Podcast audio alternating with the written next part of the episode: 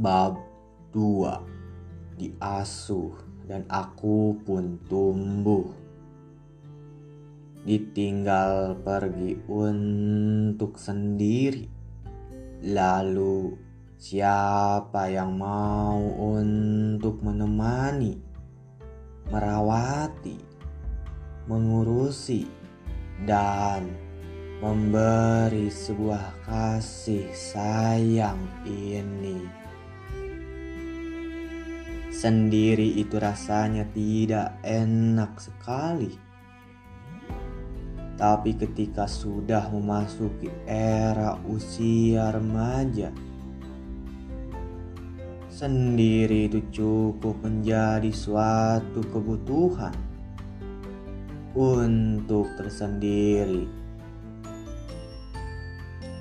dan apakah ini hanya tentang dari segi usia saja? Yang di mana waktu itu aku belum cukup untuk mengerti ketika ada suatu permasalahan di dalam rumah tangga yang tidak bisa untuk aku dimengerti Bagaimana bisa aku ini mengerti jika aku saja tidak tahu apa yang sebenarnya telah terjadi? Seorang anak tentu saja ingin tahu siapa kedua orang tuanya itu tersebut. Dan dari kecil pun aku selalu berbicara kepada diriku ini sendiri. Yang di mana kehidupanku itu penuh dengan sebuah pertanyaan. Namun, aku selalu merasakan kebingungan ketika aku hendak ingin mempertanyakannya sudah tersimpan di dalam kepala. Namun, ketika hendak ingin bertanya, aku selalu kesulitan untuk menyusun kepada sebuah kata. Garis miring sudah seperti halnya semacam seorang sastrawan saja.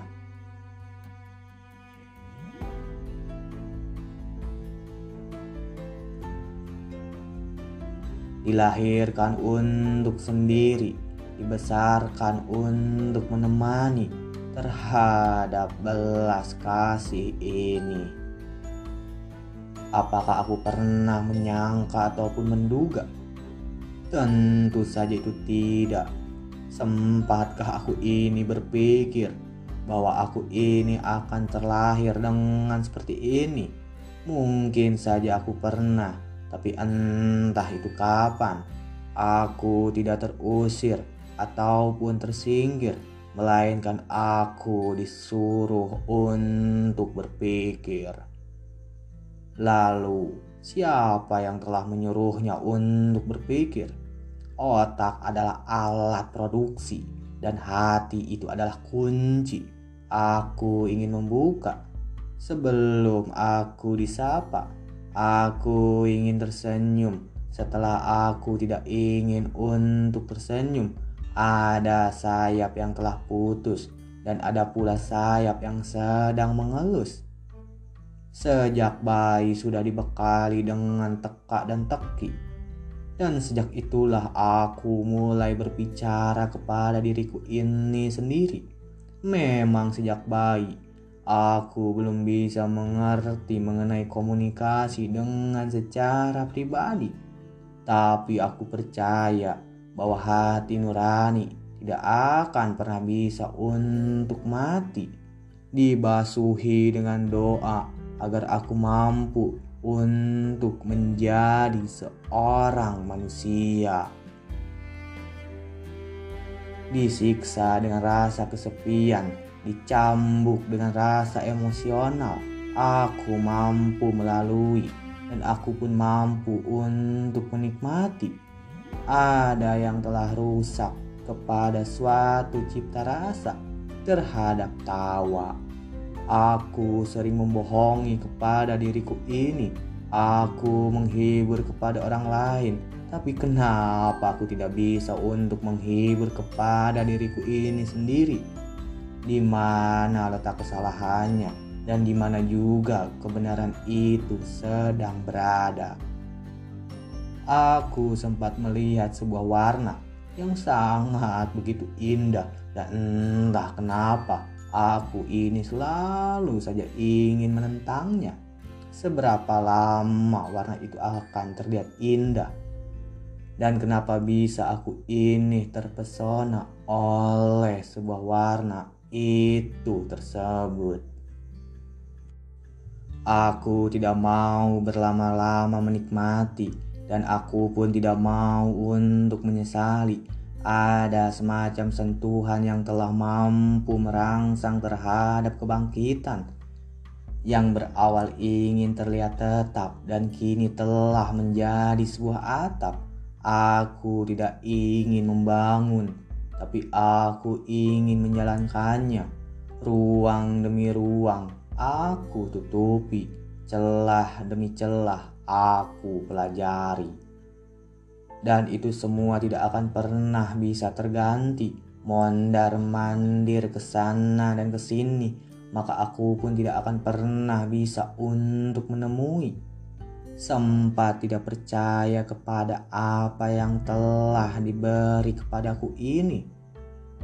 Tidak ada ruang bagi penerimaan yang semestinya untuk aku terima. Bukan bermaksud untuk tidak mensyukuri, melainkan tidak ada ruang untuk menyimpannya itu sendiri. Ada yang sedang tersentuh begitu terasa asing, ketika aku seolah-olah tidak ingin untuk mensyukuri apa yang telah diberi kepada aku ini.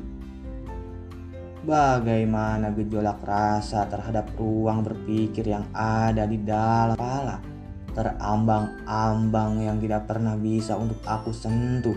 Semakin keras, semakin deras pula yang ada di dalam isi kepala dan aku pun merasakannya dengan memejamkan kedua bola mata. Ada derita yang telah menjadi saksi, dan ada pula bahagia yang telah menjadi fiksi. Kehidupan itu sebenarnya menyenangkan. Andai saja itu tidak memakai perasaan, diam dalam cinta itu penuh dengan napas dan sangat penuh dengan begitu makna. Ketika aku sedang diam, maka aku pun sedang memperhatikannya. Meskipun itu tidak berbentuk dengan kata ataupun benda, setidaknya ada, meskipun itu tidak terlihat dari bentuk wujud aslinya. Bagiku sendiri, memperhatikan adalah sesuatu bentuk wujud dari rasa yang telah timbul oleh suatu penerimaan terhadap apa yang telah aku rasakan. Mungkin aku ini sedang ada yang disembunyikan ketika kepercayaan itu sedang melanda mengenai pendobrakan terhadap substansi yang ada di dalam kepala Ekspresi itu mengenai kondisi dari isi hati dan nilai abstraksi itu selalu saja ingin untuk mengelabui. Mungkin saja aku ini seorang pemalu, tapi setidaknya aku ingin mengucapkan salam kepadamu itu. Candu pilu mengenai waktu, memberitahu ketika aku adalah seorang pemalu. Sungguh sangat begitu benalu dan aku pun belajar bahwa kesabaran itu tidak ada sebuah nilai harganya itu sendiri. Kesabaran adalah sesuatu yang begitu sakral.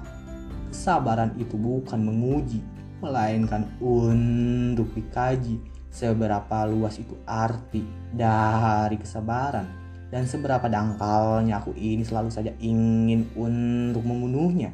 Tentu saja tidak bakal pernah untuk habis karena itu semua adalah jalan bagi kelangsungan dari segi kehidupan yang di mana aku selalu saja merasakan suatu kepanaan.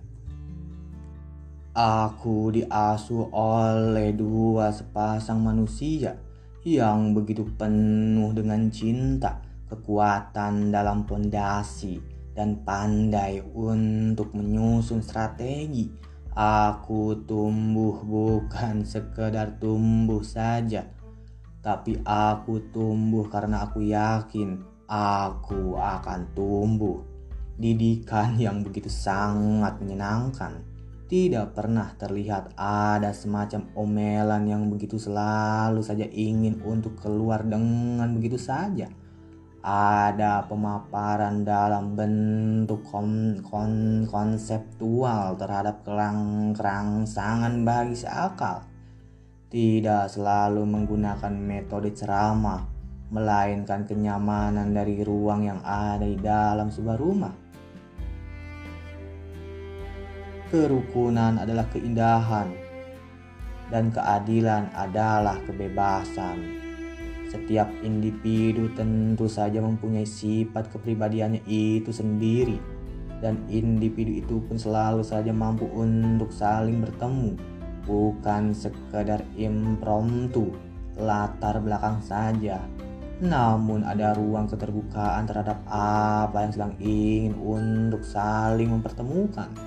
Memang ada sedikit unsur konservatif tapi itu tidak menjadi suatu masalah Justru itu adalah bagian dari bumbu-bumbu terhadap candu yang tentu saja candu terhadap saling untuk bertemu.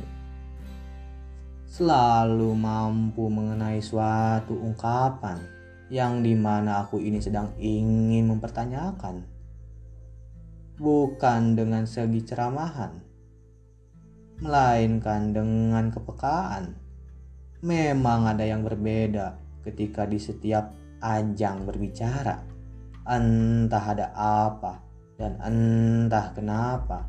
Itu semua selalu diusahakan kepadaku dengan cara semacam penuh dengan ke, ke, kepribahasaan. Kata-kata yang selalu mengandung berupa sandi Me meskipun waktu itu aku belum cukup umur untuk bisa mengertinya, seolah-olah aku ini dituntut untuk mempelajarinya dengan apa yang sedang aku terima, entah itu disengaja ataupun tidak disengaja. Ada semacam kepercayaan tersendiri mengenai suatu kata yang selalu saja mengandung unsur sandi. Semua itu telah tersalurkan dan memori ingatan selalu saja ingin untuk menunjukkan bagaimana bisa setiap kata itu mengandung makna. Garis miring mungkin memang benar masa muda adalah masa berkelana dan masa tua adalah masa untuk bercerita entah kepada anak ataupun kepada cucunya dari pengalaman seseorang setidaknya aku mempunyai gambaran. Dan dan pada aku tidak sama sekali mempunyai gambaran itu sendiri. Dengan dibarenginya dengan dongeng maka itu akan lebih menarik lagi. Mitologi yang akan mengarah kepada suatu religinya itu sendiri. Nyata ataupun tidak itu tidak menjadi masalah. Karena poin dari dongeng itu sendiri ialah membangun terhadap ruang ima imajinasi dan terhadap dunia literasi. Membayangkan adalah modal awal untuk kepuasan tersendiri, dan itulah yang dibutuhkan oleh ruang imajinasi semenjak bayi dari umur satu tahun setengah Aku diasuh oleh sang kakek dan nenek, tapi aku biasa memanggilnya dengan Abah dan Umi. Mereka itu kedua orang tua dari bapak, dan dari situlah aku dimulai. Seorang bapak harus rela bekerja karena untuk memenuhi kehidupan dari seorang anak maka aku pun mau tidak mau harus menuruti itu semua. Tapi waktu itu aku masih bayi. Jadi aku tidak ikut dari kesepakatan ataupun kemusyawaratan dalam perwakilan. Intinya aku mengikuti saja dinamika alurnya itu. Sang kakek hanyalah seorang pensiunan saja dari kantor yang berada di kota sejak zaman era si bapak. Dan dikarenakan sudah pensiun, maka beliau pun bergegas untuk menghabiskan masa tuanya itu di sebuah desa. Dan sang nenek sendiri hanya sebagai ibu rumah tangga saja yang di mana telah membesarkan kelima anaknya dengan jerih payahnya itu sendiri. Dan sebelumnya saya ucapkan terima kasih banyak untuk kalian itu semua. Aku merasa telah merebut hak dari kalian yang di mana kalian itu seharusnya untuk menikmati dan menghabiskan di masa tua kalian itu sendiri. Kehadiranku memang begitu mengganggu kepadamu. Tapi kenapa kalian harus mampu merelakan itu semua kepadaku ini?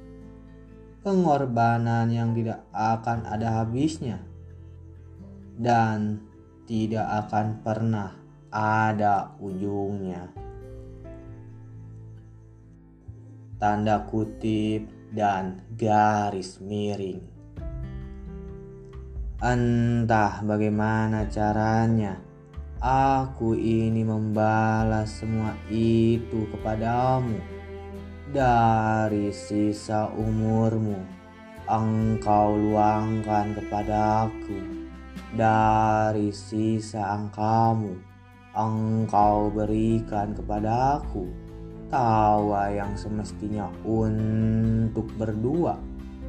Kini engkau bagi menjadi tiga sungguh luar biasa ketika meraih tentang bahagia.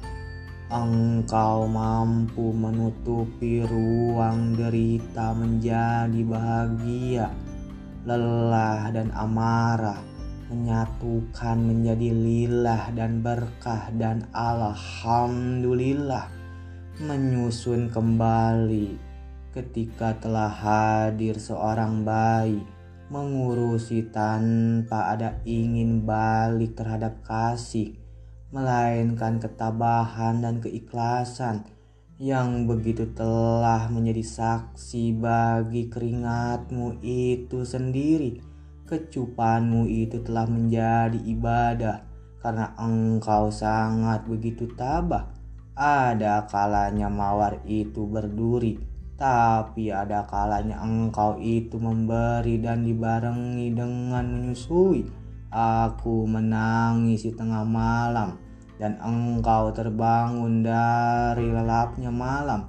Aku sakit dan engkau pun turut untuk menjaganya agar aku cepat untuk segera pulih kembali. Ketika aku manja, tapi engkau tetap mengikutinya, tak terbayangkan bagiku namun terbayangkan olehmu tidak terasa aku sudah besar tapi aku di matamu itu masih tetap saja seorang bayi mungil yang tentu saja tidak tahu apa-apa. Engkau nyata dan ada, tapi aku tidak tahu harus bagaimana membalas dari jasa-jasamu itu. Abah adalah seorang visioner dan aku sendiri hanyalah seorang oportunis. Aku selalu terpukau dengan daya nalarnya. Aku takjub dengan keterbukaan dan keluasannya. Dan aku sendiri hanya selalu menunggu untuk memutinya. Kekuatan berpikir, mengutarakan pendapat, dan memberikan kesimpulan. Dan hal yang penting, Beliau adalah seorang demokratis dan kritis. Kata-kata yang selalu memancing kepada bertanya, dan ketika ada ruang untuk bertanya, malah aku dibalik tanya kembali dengan menggunakan istilah sandi. Semakin bertanya, semakin terbentuk daya nalarnya. Setiap kata penuh dengan gambaran setiap kalimat selalu saja mampu untuk teringat. Peribahasa-peribahasa yang tidak pernah untuk aku temukan di bangku sekolah dasar sampai sekolah menengah atas. Ada percikan yang mungkin jarang terdengar, namun percikan itu berpotensi untuk ruang berdiskusi. Sangat sayang sekali hal semacam itu tidak bisa dibawa ke ranah sekolah atau mungkin itu hanya aku saja yang sangat begitu berlebihan. Sejak kecil, aku selalu dibawa ke mana-mana oleh Abah dan itu sudah menjadi rutinitas di pagi hari. Setiap pagi pasti saja aku diajak untuk menemani jalan kaki di waktu pagi hari. Udara di desa tentu saja segar dan asri, apalagi di waktu pagi hari. Sekitar umur lima tahunan aku selalu menemani Abah untuk jalan-jalan pagi setelah aku sudah sekolah, maka jalan-jalan pagi itu diganti di setiap hari minggu sekali. Jalan-jalan pagi bukan hanya sekedar olahraga, tapi belajar mengenai suatu makna. Aku diperkenalkan dengan jalanan, alam, manusia, Mobilisasi tidak secara langsung sedang aku amati. Jalan santai di pagi hari, membuka hati dan pola pikir ini. Abah selalu memperhatikan tingkah laku di sekitar lingkungan, dan aku pun selalu memperhatikannya. Setiap gerak-geriknya itu pasti ada yang sedang dipikirkan dan yang pertama kali aku heran ketika Abah sedang melihat semacam batu bekas jajanan atau yang menghalangi ketika Abah sedang jalan kaki itu.